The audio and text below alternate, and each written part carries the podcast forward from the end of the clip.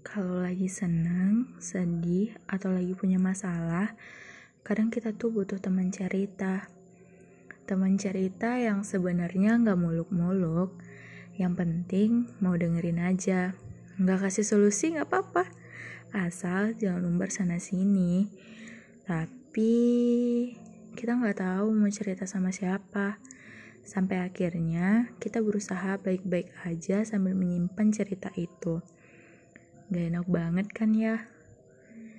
Kalau gitu, sini kita duduk sama-sama, diceritain dulu aja, biar nggak jadi beban.